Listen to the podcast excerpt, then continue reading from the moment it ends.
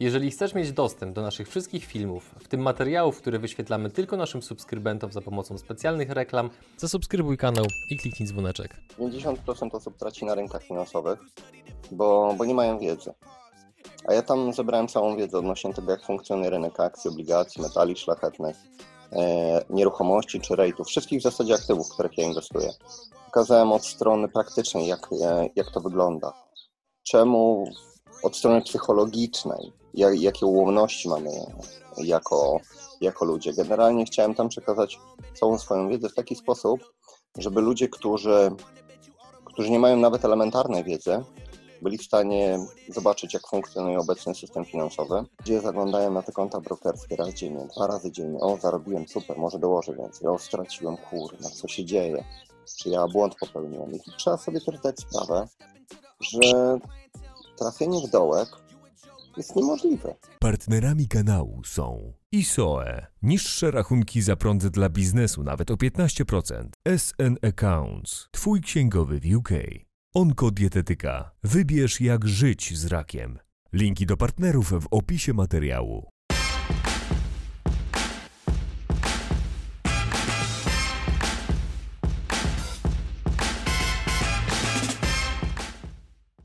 Dzień dobry drodzy widzowie, ja nazywam się Adrian Gorzycki i witam Was w kolejnym odcinku Przygód Przedsiębiorców, gdzie tym razem naszym gościem jest Trader21. Cześć Czarek. Cześć, witam Was serdecznie. Nim przejdziemy dalej, to chcielibyśmy Was poinformować, że z Czarkiem nagramy cykl różnych materiałów, natomiast niektóre z nich będą dostępne tylko i wyłącznie dla naszych subskrybentów, dlatego jeżeli jeszcze nie subskrybujecie naszego kanału, to, jest bardzo dobry moment, żeby kliknąć przycisk subskrybuj, a my nie przedłużamy, przechodzimy dalej. Natomiast zanim przejdziemy w ogóle do tej głównej części, to dla tych z Was, którzy jeszcze nie znają jakimś cudem Tradera 21, to pozwólcie, że zrobię taki krótki, telegraficzny skrót, a Ty Czarek proszę pilnuj, czy z niczym nie skłamałem, z niczym nie przesadziłem, bądź czy czegoś nie dopowiedziałem, dobra? No stop kłamiesz, więc ciężko będzie. więc po kolei. Jeden z najbardziej znanych inwestorów w Polsce, właściciel... Okej, okay, spoko. No są na pewno wiesz, bardziej znani. Wiesz co, ja Cię wyciszę, tak będzie lepiej. Właściciel portalu Independent Trader.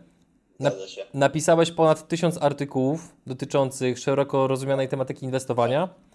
Twój portal otrzymał nagrodę najlepszego portalu ekonomicznego w kraju i to więcej niż jeden raz. Tak, tak, dwa razy. W 2008 roku sprzedałeś swoje ówczesne firmy, chcąc zerwać ze stylem pracy, jaki jest w Polsce i przeprowadziłeś się za granicę. Tak. Obecnie żyjesz na Majorce. Od 7 lat, tak. Jesteś autorem bestsellerowej książki o inwestowaniu, która mimo bycia jedną z najdroższych w Polsce, już sprzedała się w nakładzie 13 tysięcy egzemplarzy. Dokładniej to 13 tysięcy zestawów, bo my ich nie sprzedajemy osobno, sprzedają się zestawy, mhm. w skład którego wchodzą cztery tomy. Jest rzeczywiście to chyba jedna z najdroższych książek, jaka się do tej pory ukazała.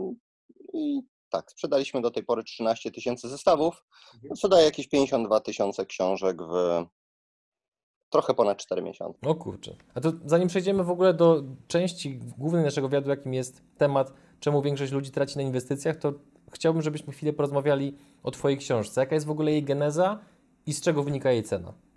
Wiesz co, ja kiedyś pisałem artykuły dla siebie, dla usystematyzowania wiedzy. E, pisząc przede wszystkim, e, zawsze wyłapywałem jakieś braki. I w pewnym momencie zgłosili się do mnie ludzie na zasadzie Czarek, weź zbierz tą całą swoją wiedzę, zrobimy z tego szkolenie. I ja się zgodziłem. Oddałem im e, wolną rękę odnośnie tego, w jaki sposób to, to miało wyglądać, bo chyba z 5-6 lat temu. Ja odpowiadałem tylko za zawartość merytoryczną. No ja się do tego mega przygotowałem, natomiast mega mi nie pasował sposób, w jaki oni to sprzedawali, reklamowali i, tak dalej. I tą współpracę skończyłem bardzo szybko. W każdym razie później zrobiłem samodzielnie już drugą edycję takiego szkolenia, gdzie zebrałem całą moją wiedzę do kupy. Później trzecią. Trzecia została najwyżej oceniona, 9,6 na 10 przez chyba, nie wiem, 300-400 osób e, brało w tym udział. E, I stwierdziłem później, że już nie chcę robić e, więcej szkoleń, dlatego że to były 3 czy 4 miesiące wyłączone z życia. To mi podwajało w zasadzie pracę. Odpocząłem sobie przez, przez półtorej roku i w pewnym momencie stwierdziłem, dobra, może, może czas na książkę. E, tak pierwotnie to myślałem, że to będzie 250, no może 300 stron i ściągnąłem do siebie na, na niecały tydzień moją prawą rękę Marcina odnośnie inwestycji i zaczęliśmy spisy brać tak wszystko po trochu. No i okazało się, że tyle jest tego, że nie ma szans, żeby to była jedna książka. No, nie chcieliśmy kobyły wielkiej nie chciałem takiej wielkiej kobyły robić. więc zaczęliśmy to dzielić w jakiś sposób. No i tym sposobem wyszły dwa tomy. Później się okazało, że przecież trzeba jeszcze psychologię dodać, trzeba dodać kupę takich elementów praktycznych. No i w pewnym momencie zrobiły się cztery, cztery tomy, niecałe tysiąc stron, mnóstwo, mnóstwo grafik. No i tak naprawdę zajęło mi to cały zeszły rok. Stwierdziłem, nigdy więcej nie wezmę na siebie tyle pracy, dlatego że ja pracuję dużo więcej zimą e, i bardzo mało latem. Natomiast w momencie, kiedy zacząłem pisać tę książkę, no to już bardzo, bardzo chciałem ją skończyć i z moich, nie wiem, 4 godzin pracy normalnie latem zrobiło się 8 czy 9. Wiem, wiem, że przegiąłem i nigdy więcej tego, tego już nie powtórzę. W każdym razie no, w te 9-10 miesięcy udało się napisać 900 stron, wydać to ładnie. No, możesz sobie sam wyobrazić, no, ludzie piszą książkę latami, a ta powstała niecały rok, 950 chyba stron. Tempo zabójcze. Teraz przy kolejnym do druku zrobiliśmy ileś tam poprawek w wersji, w wersji czwartej, mm, w tomie czwartym, przepraszam, coś co sugerowali nam, nam wcześniej e, czytelnicy, więc już w tym momencie poszło do druku wydanie, wydanie drugie.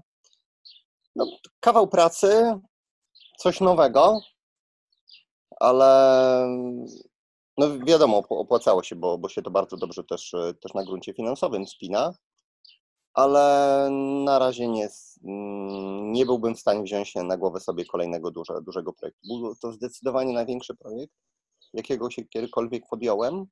Wyszedł on fajnie, no, na lubimy czytać, widać, e, widać oceny ludzi, z czego, z czego jestem bardzo dumny. I tyle. Co, co zyskują czytelnicy, którzy kupują tą książkę? Jakby jaki jest zestaw korzyści, które e, czytelnik odnosi? Co, tak jak rozmawialiśmy wcześniej, 90% osób traci na rynkach finansowych, bo, bo nie mają wiedzy. A ja tam zebrałem całą wiedzę odnośnie tego, jak funkcjonuje rynek akcji, obligacji, metali szlachetnych, e, nieruchomości czy rejtów, wszystkich w zasadzie aktywów, w których ja inwestuję. Pokazałem od strony praktycznej, jak, e, jak to wygląda.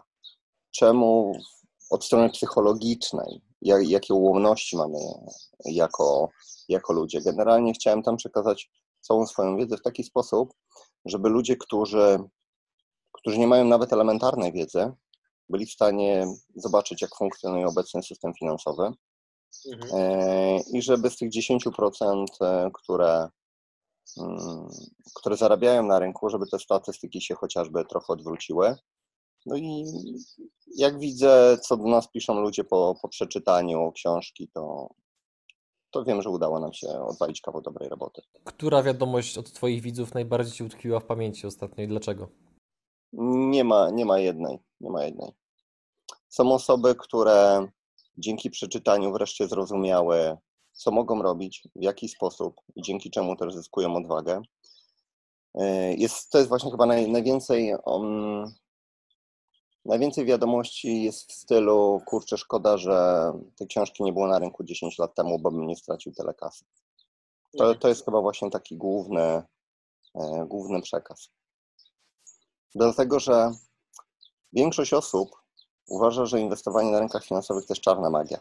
Do tego zresztą też y, się cały przemysł finansowy, jeżeli można tak nazwać, e, przyczynił dlatego że ludzie, którzy pracują powiedzmy w funduszach aktywnie zarządzanych, na siłę próbują pokazać, że to, co robimy, jest tak strasznie trudne, tak bardzo skomplikowane, używając między innymi też terminologii, której często ja nie rozumiem. Yy, I to nie jest tak, że, że to, jest, to jest trudne. No, my się w liceum uczymy dużo, dużo trudniejszych rzeczy. Uczyliśmy wiele, wiele lat temu niż, yy,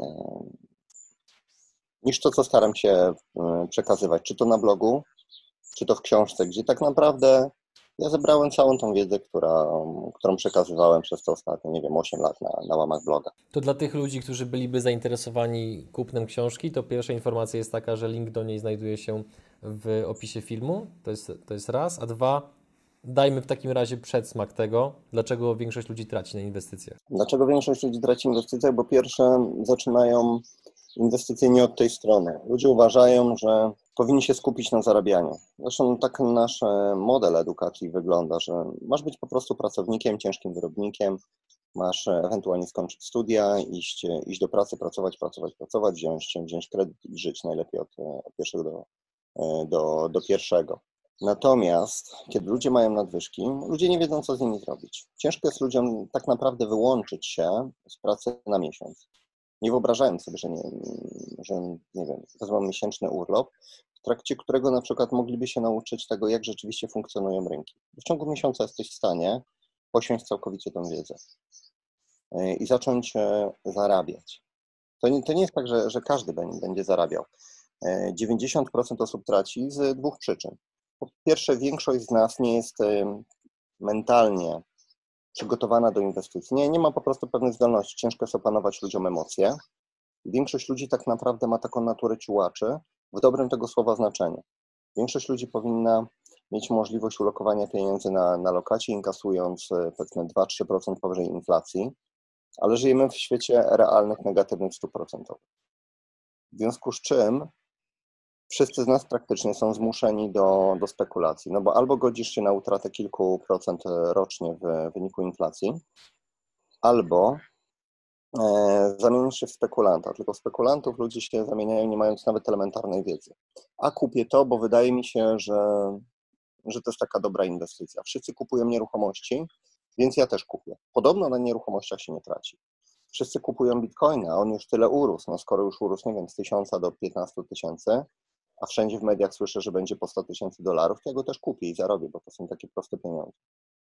2006-2007 rok ludzie ładowali się masowo do funduszy inwestycyjnych, bo rosły. Czyli przykładowo, szedłeś do banku, załatwić, nie wiem, jakieś dzienne czynności, a przedstawiciel banku, pracownik, który tam po prostu siedzi na etacie, nie ma zielonego pojęcia o inwestycjach, ale on cię będzie namawiał. Proszę zobaczyć, tutaj na lokacie mógł Pan zarobić przez ostatnie 3 lata tyle i tyle, a tutaj fundusze generowały tyle i tyle. Gdyby Pan wcześniej zainwestował, to zarobił Pan tyle i tyle. I ludzie na przykład no, łapią się na, na tego typu zagrywki. Tyle, że żeby przedstawić odpowiednie wykresy, dane historyczne, że coś w przeszłości rosło, to coś musiało już wystarczająco dużo urosnąć, a tym samym nie jest tanie.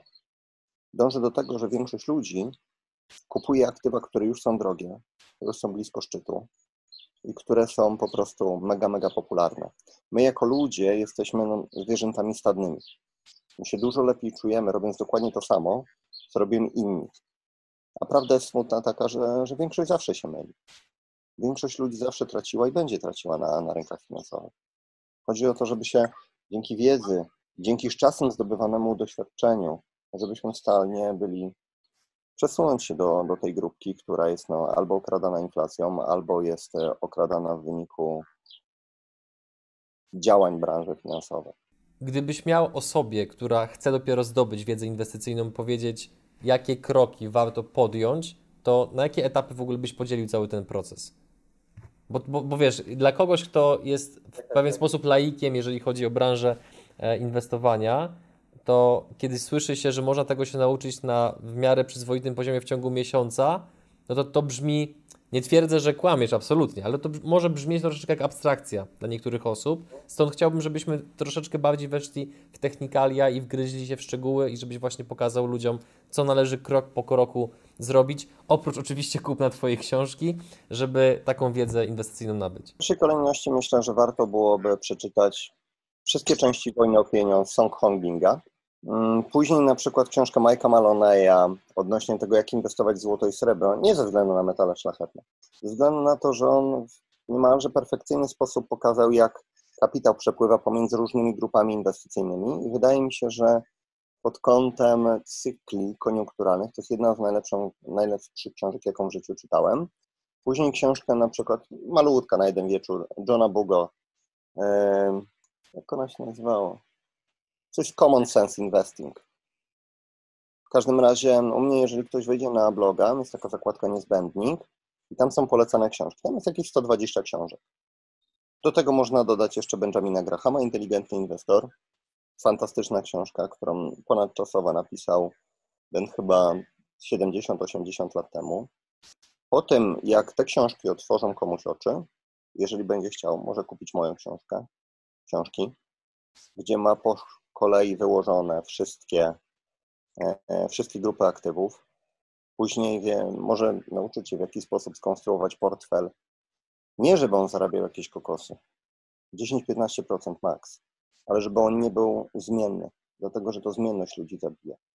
jeżeli coś rośnie zbyt gwałtownie, ludzie mają taką tendencję, Boże, kupię więcej. Czyli automatycznie kupujemy więcej droższych aktywów. I w drugą stronę działa to jeszcze gorzej. Jeżeli zaczyna spadać, to ludziom pojawia się w głowie myślenie, kurczę, sprzedam wszystko, nim, nim stracę wszystko.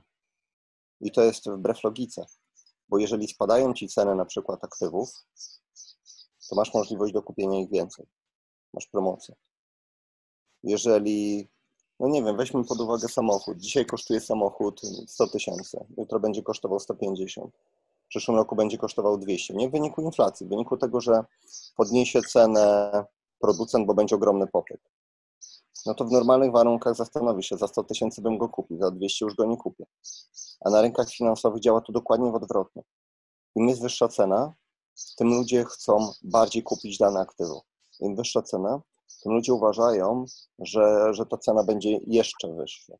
My mamy taką bardzo szkodliwą tendencję, do przekładania tego, co się działo w przeszłości, na to, co się będzie działo w przyszłości. Czyli jeżeli cena danych aktywów przykładowo spadała, to my uważamy, że nie powinniśmy go dotykać, bo on na pewno będzie spadać. Jeżeli rosła, to bardzo chętnie kupujemy. I z tym właśnie ludzie mają największy problem, z kupowaniem gdzieś w okolicy blisko dołków, z kupowaniem aktywów, w których nikt z Twoich znajomych nie inwestuje. W każdym razie, jeżeli przeczytasz ileś książek i masz już przyzwoitą wiedzę, to jest czas na inwestowanie, ale nie na inwestowanie na jakimś koncie demo, gdzie nie ma żadnych emocji. 5% może Twoich oszczędności, może 10%, ale w taki sposób, żebyś realnie czuł, że albo zarabiasz, albo tracisz. Nie chodzi o to, czy będziesz zarabiał, czy będziesz tracił. Chodzi o oswojenie się z emocjami. Bo emocje są Twoim największym wrogiem. One sprawiają, że podejmujesz e, głupie decyzje, a w tym niestety rynku trzeba się po prostu całkowicie wyzbyć emocji, co jest trudne. Albo wyzbyć się ich w sporej części. Ja wiele lat temu, jak kupowałem skrajnie zdołowane akcje rosyjskie, to ludzie uważali, że, że jestem wariatem, rosyjskim trolem w ogóle e, i, te, i tak dalej. Ludzie zaczęli się tym interesować, kiedy to dopiero mocno podrożało, po dwóch czy trzech latach. Analogicznie było, było ze złotem. Po co komu złoto ileś tam lat temu? Dzisiaj się ludzie nagle obudzili, tylko ono już nie kosztuje 4000 za uncję, tylko popyt jest tak duży, że jest 9-10 i, i w kolejnych latach będzie jeszcze droższy. Ale tu na przykład trzeba wiedzieć, że metale szlachetne drożeją w otoczeniu negatywnych rzeczywistych stóp procentowych, czyli wtedy, kiedy na przykład e, lokaty czy obligacje nie pozwalają ci chociażby zachować siły nabywczej pieniądza. Mówiąc prostszy, inflacja jest większa niż oprocentowanie lokat czy, czy obligacji rządowych o stałym oprocentowaniu. I tu trzeba też wiedzieć, że jesteśmy zadłużeni na poziomie globalnym tak silnie, że banki centralne nie pozwolą na wzrost realnych stóp e, procentowych. Więc wiedza, wiedza, wiedza, a później powolne oswajanie się z, z emocjami, bo 90, myślę, że 5% osób, jak tylko zaczyna inwestować, a większość aktywów inwestujesz poprzez konto brokerskie, gdzie na zielono widzisz zysk, na czerwono widzisz stratę, to, to, to naprawdę wpływa w potężnym stopniu na emocje. I efekt jest taki, że ludzie zaglądają na te konta brokerskie raz dziennie, dwa razy dziennie. O, zarobiłem, super, może dołożę więcej. O, straciłem, kurna, co się dzieje? Czy ja błąd popełniłem? I trzeba sobie też zdać sprawę, że trafienie w dołek jest niemożliwe. Kiedyś dałem taki przykład i on się dosyć dobrze sprawdza. Jeżeli przykładowo ceny akcji w Polsce albo stały w miejscu, albo spadały od, przez ostatnią dekadę, jak wiele rynków rozwijających się, dekada to jest jakieś 530 tygodni, e, to czemu akurat ty miałbyś trafić w ten tydzień, gdzie będzie dołek? No wyobraź sobie, rynek stoi w miejscu przez, przez 10 lat ty akurat kupujesz. I co, w tym momencie ma zacząć rosnąć? Oczywiście, że nie. Mamy na to mniej niż 2 promile szansy. Więc tu trzeba zmienić mentalność. Jeżeli kupuję akcje dobrych firm, które są tanie, dzięki czemu mm, wypłacają dywidendę, która powiedzmy sięga 6, 7, 8 czy nawet 10%, to powinienem traktować to nie jako akcję, którą kupię dzisiaj i sprzedam jutro, jako maszynkę do zarabiania pieniędzy w dłuższym terminie. Tak jak ludzie na przykład robią z lokalami na wynajem. Kupuje lokal na wynajem, e, nie po to, żeby go sprzedać jutro, tylko po to, żeby generował mi e, przykładowo mm, czynsz najemny, który w, powiedzmy w relacji do cen lokalu będzie na poziomie, nie wiem, 8, 9 czy, czy 10% e, rocznie. W ten sposób my musimy podchodzić do aktywów. I w ten sposób ludzie podchodzili do inwestycji w Stanach czy Wielkiej Brytanii, w tych rozwiniętych rynkach, jeszcze 30-40 lat temu. Ludzie kupowali akcje dobrych firm nie po to, żeby je sprzedać za miesiąc, jak e, cena wzrośnie, ze względu na inflację, dlatego że przykładowo akcje reprezentują część przedsiębiorstwa. Zadaniem przedsiębiorstwa jest generowanie zysku. Rynek e, zysku, który jest następnie przekazywany akcjonariuszom w postaci dywidendy. I tu trzeba zdać sobie sprawę z jednej rzeczy. Rynek nigdy nie był, nie jest i nie będzie efektywny. Mamy czasami e, akcje w niektórych krajach skrajnie drogie i jednocześnie tanie w innych krajach. Dlatego, że tak wygląda sentyment e, wśród inwestorów. Ludzie po prostu mają pewne uwarunkowania, dlatego ten kapitał cyklicznie przechodzi ze spółek typu value do spółek prowzrostowych z rynków Stanów Zjednoczonych na, na rynki rozwijające się. I to jest właśnie podstawa. Jeżeli masz tą, pod, tą podstawową wiedzę, to jesteś w stanie zrozumieć pewne zależności. E, dzięki czemu jesteś w stanie kupić aktywa tanie i spokojnie siedzieć w nich 5, 6, 7 lat, bo tyle zazwyczaj trwają cykle, aż dostrzegą je inni inwestorzy. Najpierw smart money przesunie kapitał, później przesuną duże fundusze inwestycyjne, widząc, że nastąpiła jakaś duża zmiana trendów. Później zaczną się mm, pojawiać na rynku inwestorzy indywidualni, a później widząc już, jakie wzrosty mieliśmy przez 3 czy 4 lata, na koniec pojawi się ulica skuszona różnego rodzaju cudownymi wizjami zysków na kolejne lata i zazwyczaj to jest dobry moment do ewakuacji.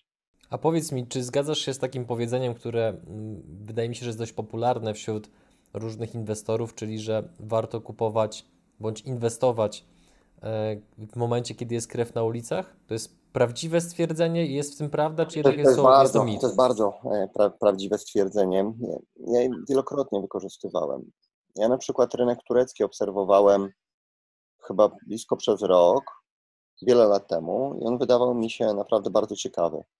W pewnym momencie doszło do e, puczu, więc w ciągu jednego dnia ETF na Turcję tąpnął chyba 16%. To był dla mnie dobry moment do, do zainwestowania. W ostatnim czasie podwoiłem moją pozycję w Gazpromie, e, właśnie po tym jak ropa tąpnęła w jeden dzień 30%.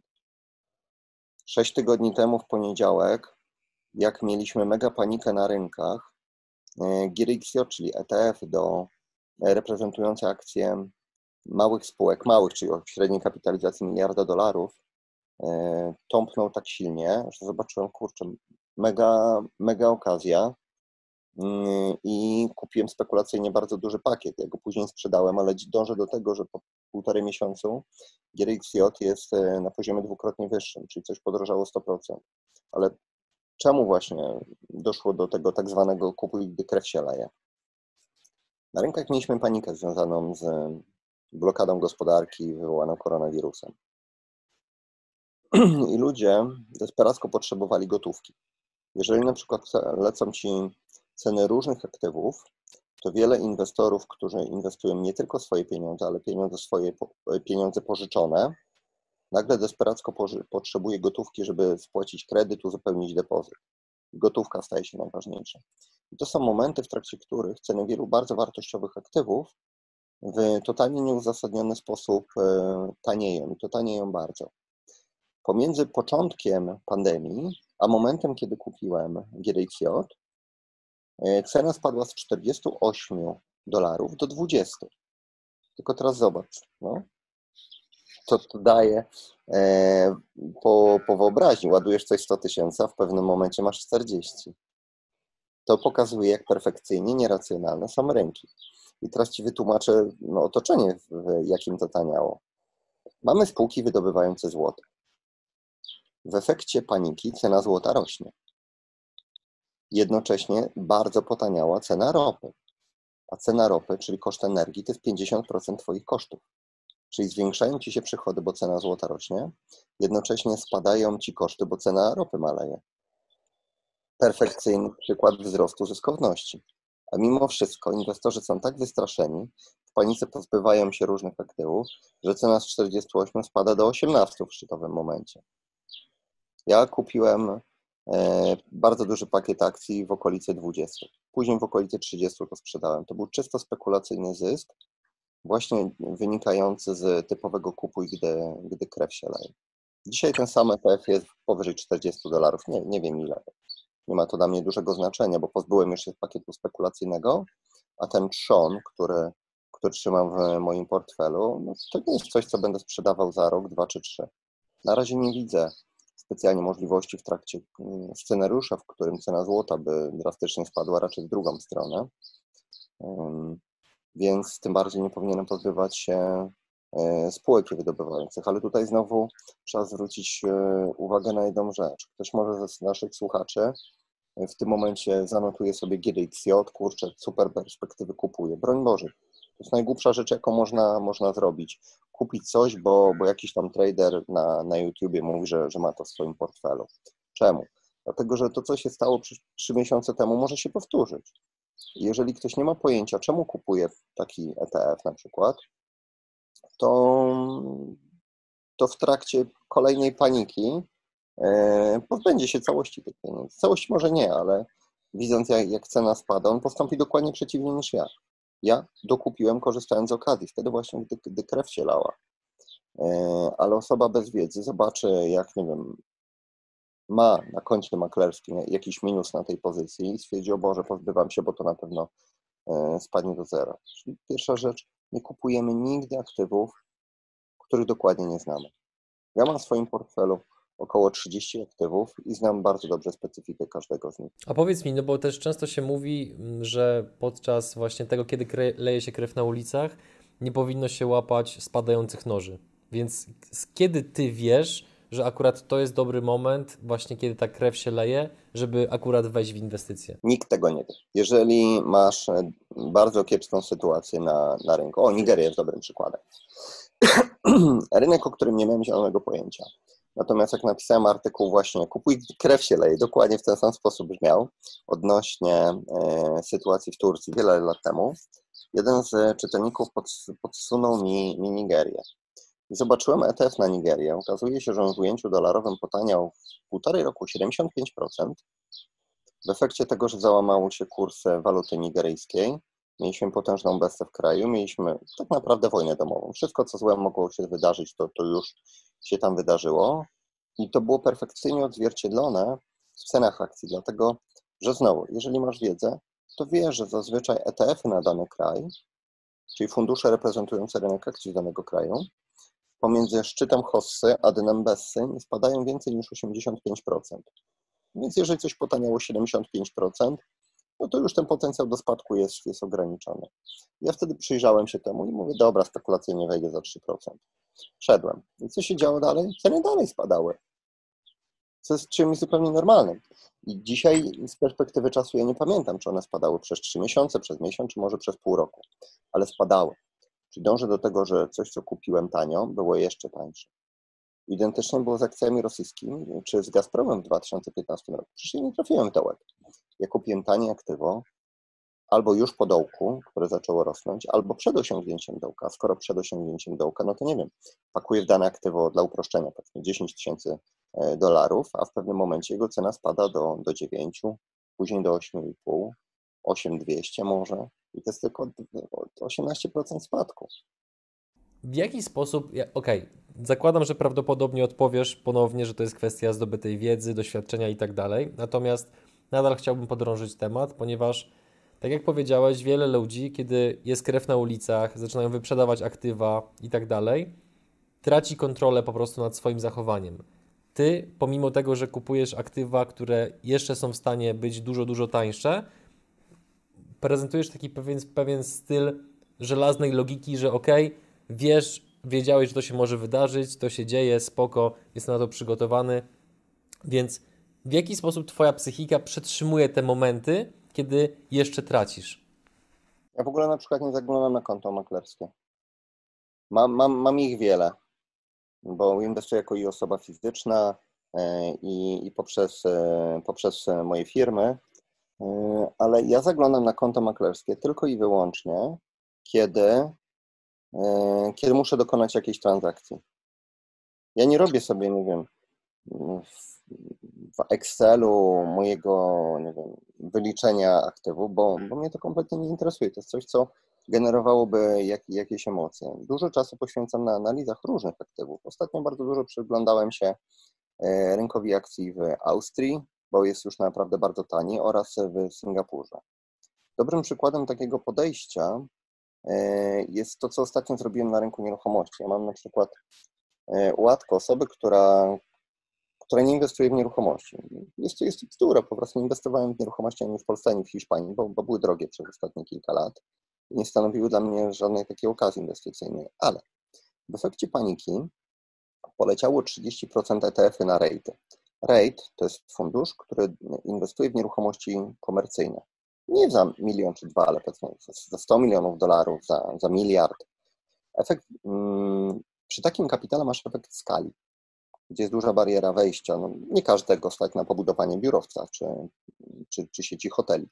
Więc im większa bariera wejścia, tym mniejsza konkurencja i tym samym większy zysk. Więc e, poziom dywidendy, a właśnie, i rejty to są takie twory, które muszą w postaci, e, wypłacić w postaci dywidendy między 75 a 90% zysku netto. Czyli większa część dochodu z najmu trafia rzeczywiście do Ciebie w postaci dywidendy. Więc ta dywidenda pozwala określić, czy, czy masz do czynienia z drogim funduszem, czy z tanim. No bo jeżeli przykładowo fundusz wypłaca co roku 100 milionów e, dywidendy, ale je wartość jego wszystkich akcji jest na poziomie miliarda, no to ta dywidenda powiedzmy stanowi 10% Twojej inwestycji ale jeżeli wartość wszystkich akcji to są 2 miliardy, a ty ciągle dostajesz te 100 milionów, no to automatycznie dywidenda ci spada do 5%. Im niższa dywidenda, tym po prostu droższy fundusz.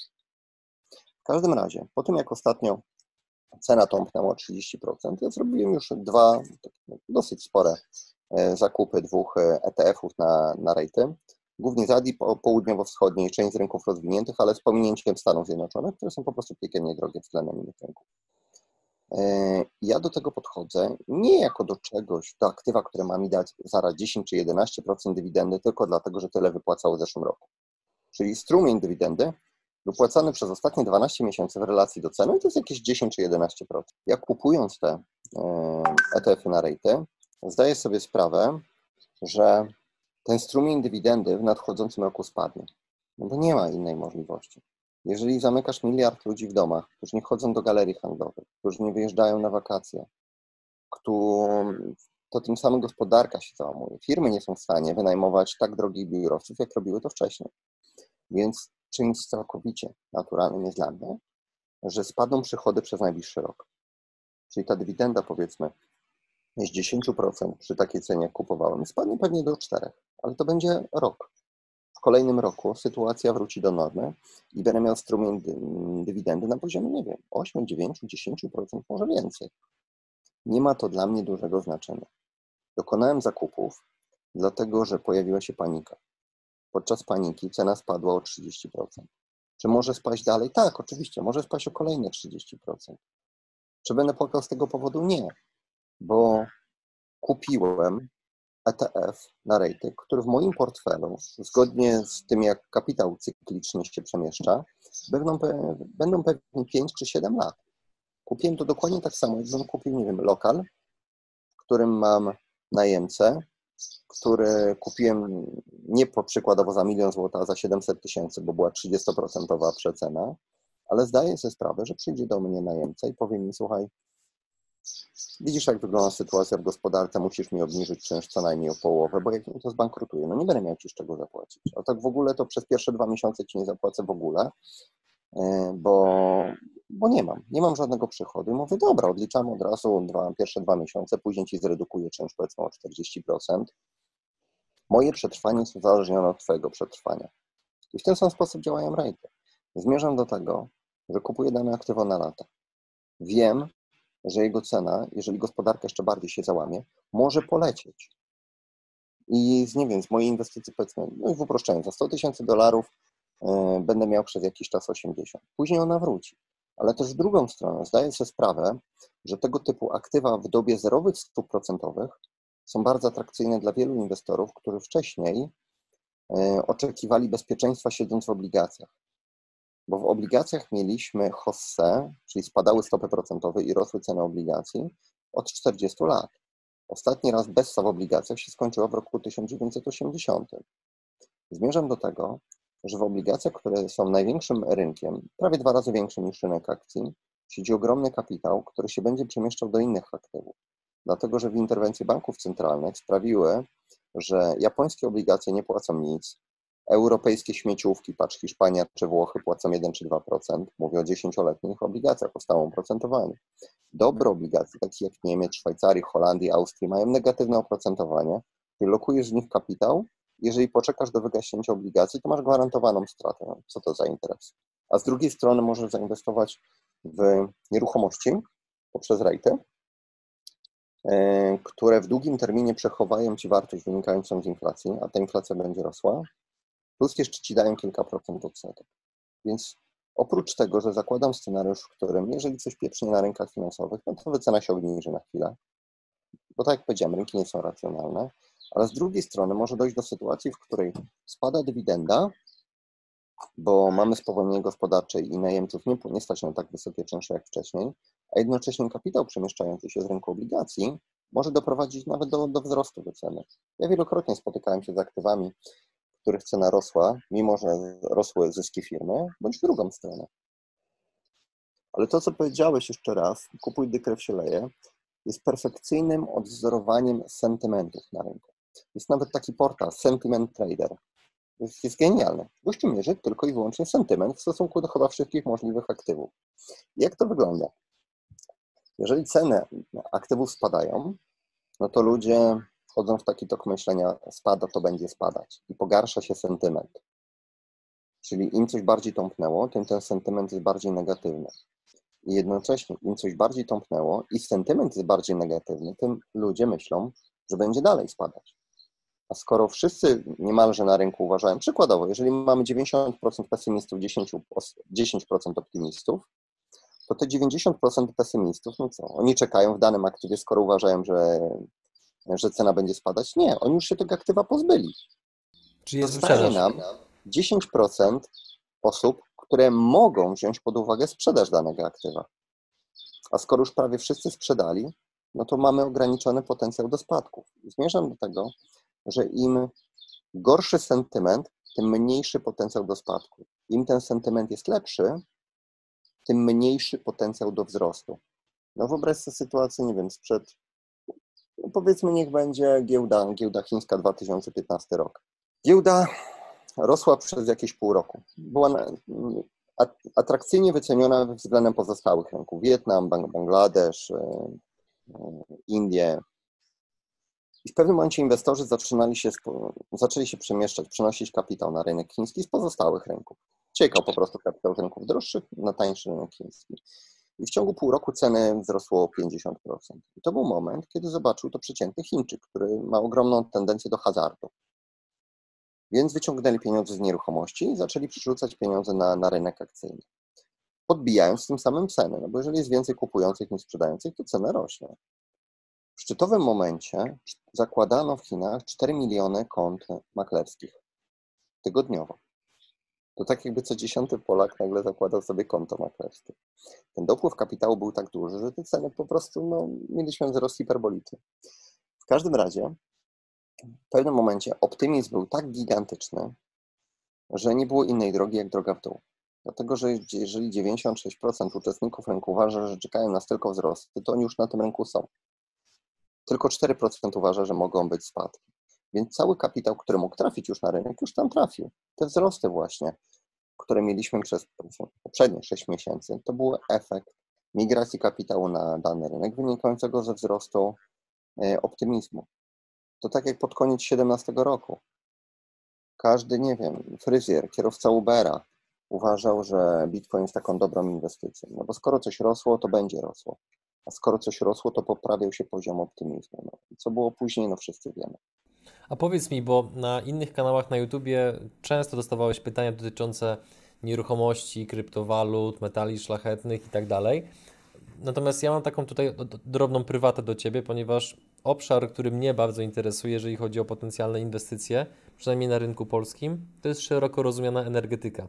I powiedz mi, jakie jest Twoje zdanie, biorąc pod uwagę te wszystkie gigatrendy, z którymi mamy w tej chwili do czynienia, jak to, że cały świat idzie coraz bardziej w kierunku OZE, e, różnego rodzaju instytucje finansowe e, coraz bardziej odwracają się od inwestowania w spółki węglowe i tak dalej. Czy to jest według Ciebie dobry moment, żeby się interesować spółkami energetycznymi, czy też nie i dlaczego? Dobra, Pierwsza, rzecz. Jak masz wiedzę, patrz, przeczytałeś przykładowo drugi tą część poświęconą surowcom, to wiesz, że OZE odpowiadają za 2% światowej produkcji energii. W Europie jest trochę inaczej. Ale jeżeli rozmawiamy o surowcach, to musimy wziąć to z perspektywy globalnej. Dużo lepszym rozwiązaniem, na przykład niż OZE, jest uran, bo na rynku zaraz będziemy mieli deficyt. Uran w tym roku podrożało 50% z 20 na 30 dolarów tam za, za, za funt. Ale to jest moim zdaniem dopiero początek. W 2008 roku uran kosztował 140 dolarów. A gdzie inflacja? Gdzie dewaluacja dolara na przestrzeni tych lat? Ale to jest znowu bardzo długoterminowy zakład, który jest ok, jeżeli zdaje sobie sprawę, że cykle na dolarze i tym samym cykle na surowcach zmieniają się co, co 8 lat. Jeżeli chodzi na przykład o, o węgiel, ten znienawidzony węgiel, jest taki ETF COL, ETF, który przykładowo generuje ci 100 mm, dochodu netto, czy ma cenę do zysku na poziomie 4. Kupujesz coś, co ci wypłaca 14% dywidendy. Ta dywidenda jest tak wysoka, dlatego, że spółki są tak tanie. I jednocześnie ja na przykład biorę pod uwagę taki scenariusz, że jeżeli będziemy mieli spowolnienie gospodarcze wynikające z zamknięcia gospodarki, no to te kwestie z emisją dwutlenku węgla zostaną bardzo osunięte na dalszy plan, a na pierwszy plan wejdzie dobro gospodarki.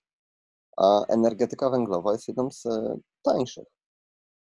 Chiny czy, czy Indie budują ogrom bloków e, na, na gaz, wykorzystując zaawansowaną, nie na gaz, tylko na węgiel, wykorzystując e, zaawansowaną technologię do, do wyłapywania tych cząstek, które rzeczywiście trują. Bo dwutlenek węgla absolutnie nie jest gazem trującym.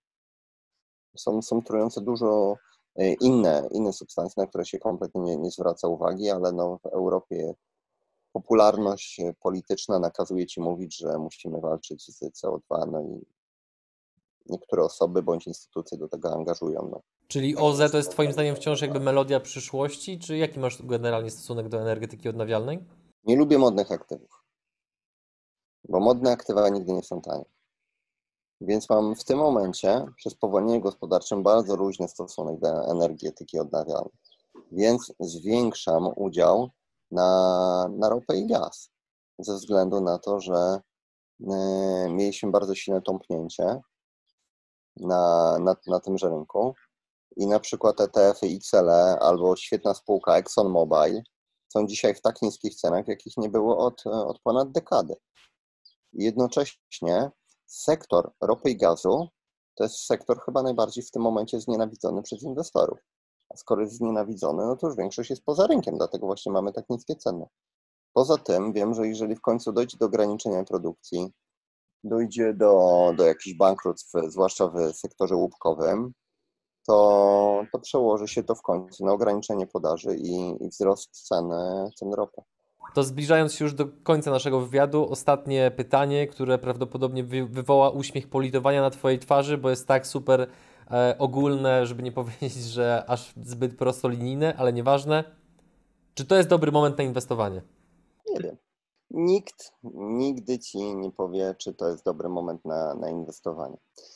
Ja ostatnie tygodnie, czyli tej paniki spadku, wykorzystałem do zmniejszenia mojego udziału gotówki z 30 kilku procent do 20 kilku procent.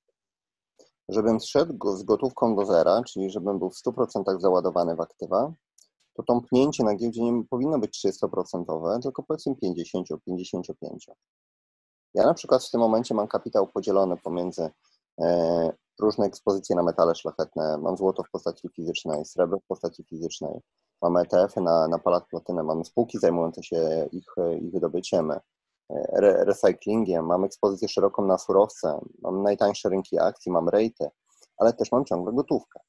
Skoro mam gotówkę, to znaczy, że nie jestem pewny co do tego, czy, czy spadki nie będą pogłębione.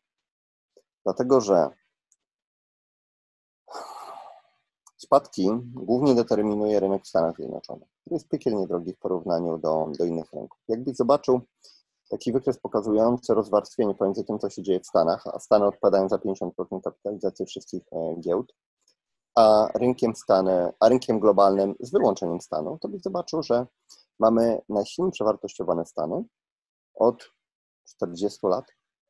W 68 roku, więcej nawet, w 68 roku mieliśmy ostatnim razem tak drogi rynek w Stanach względem innych rynków. Dążę do tego, że jeżeli na tak drogim rynku pojawiają się spadki, to one się rozlewają na cały świat. Więc rynki, które są neutralnie wycenione albo są tanie, stają się jeszcze tańsze.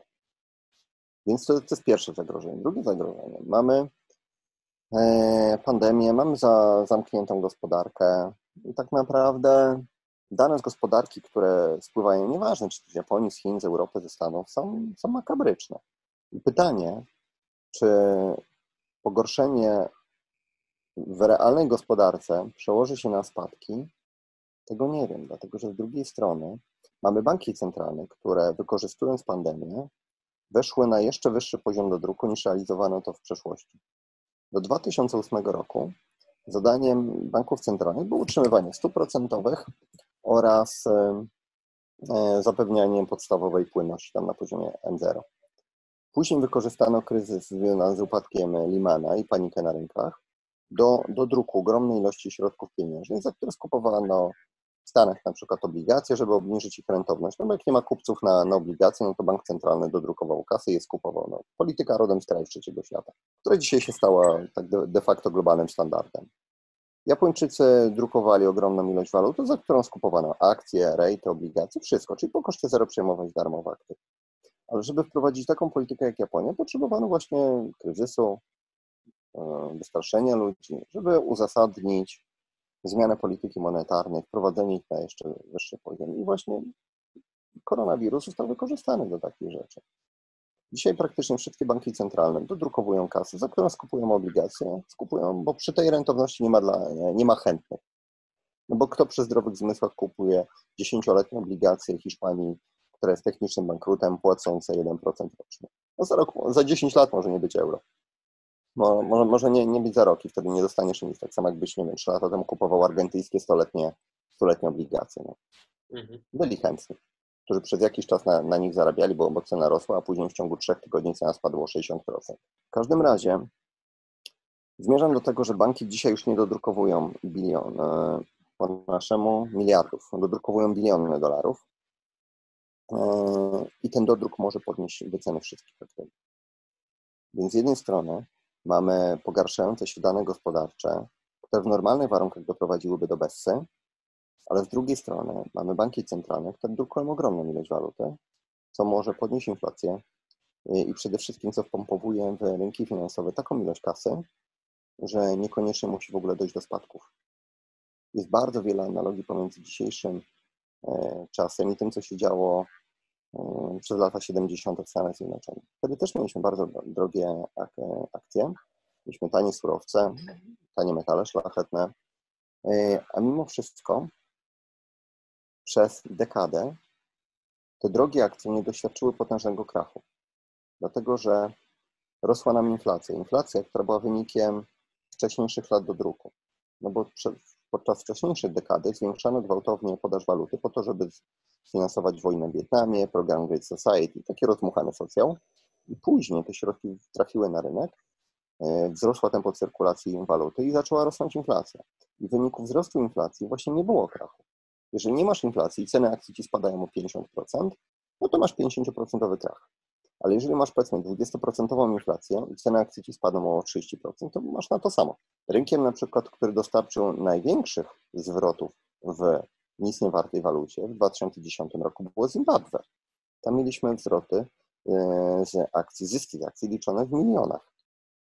Tylko, tylko co z tego, skoro w ujęciu do jakichś normalnych walut giełda straciła 97%. Dążę do tego, że inflacja wywołana dodrukiem, który trafia rzeczywiście na ulicę, jest w stanie podnieść ceny, ceny większości aktywów. Inflacja w aktywach finansowych wywołana zakupami bezpośrednimi banków centralnych także jest w stanie podnieść cenę wielu aktywów. Więc wcale nie musi dojść do jakiegoś potężnego krachu. Być może to, co mieliśmy do tej pory, yy, wystarczy, a później po prostu dodrukiem e, zostaną utrzymane wysokie ceny, ceny aktywów. Wcale nie zostanie e, i wcale nie będzie idealnego momentu do, do zakupu akcji, takiej jaki pytałeś. Żeby do tego doszło, to musielibyśmy mieć naprawdę co najmniej jeszcze 40% walnięcie. E, poziom margin debt na przykład, czyli długu zaciąganego przez inwestorów powinien spać do poziomu 1% w relacji do, do PKB Stanów Zjednoczonych. Są, jest, jest ogrom takich czynników, które wyznaczały nam poprzednie bessy. Poziom sentymentu musi być bardzo niski, ale na razie do, do niczego takiego nie doszło. Więc ja przypuszczam osobiście, że do wyborów w Stanach będziemy mieli spokój. Trump bardzo chce wygrać. A żeby doszło do reelekcji, potrzebne mu są wysokie ceny akcji, wysokie ceny nieruchomości, więc zrobi pewne działania stricte pod publiczkę, pod, pod wybory, a później zobaczymy. Natomiast, jak już powiedziałem, nikt nie jest w stanie powiedzieć Ci tak, to, to jest górka, albo tak, to jest dołek. W 2018 roku już mieliśmy bardzo wysokie ceny akcji, mieliśmy wzrost stóp procentowych, ograniczenie QE i ceny akcji się załamały. Spadły o 19% w bardzo krótkim czasie i w tym momencie Fed skapitulował. Nagle się okazało, że inflacja nie jest problemem, realna gospodarka się nie liczy, trzeba ratować rynki finansowe. Zmienili politykę dosłownie na 180 stopni i powstrzymano spadki. Więc banki centralne dzisiaj mają gigantyczny wpływ na to, co się dzieje na rynkach finansowych. Jeżeli zignoruje się ich działania, to można bardzo popłynąć. To jest przykre, no ale niestety w takim świecie żyjemy. To tu postawmy kropkę. Ja Ci dziękuję za dzisiejsze nagranie.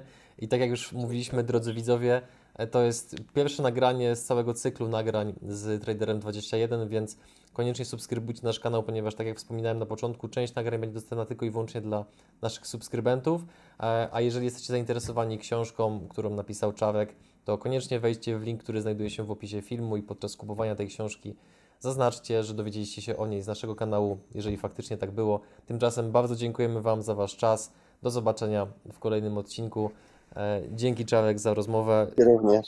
Zazdroszczę Ci Twojej pogody, którą tam masz, temperatury i tak dalej, więc postaram się i, i, jak najszybciej skorzystać z zaproszenia, żeby Cię odwiedzić właśnie na e, Majorce oraz oczywiście w drugą stronę również zapraszamy do naszego studia, tym bardziej, że jesteś z naszego regionu, czyli z Włocławka.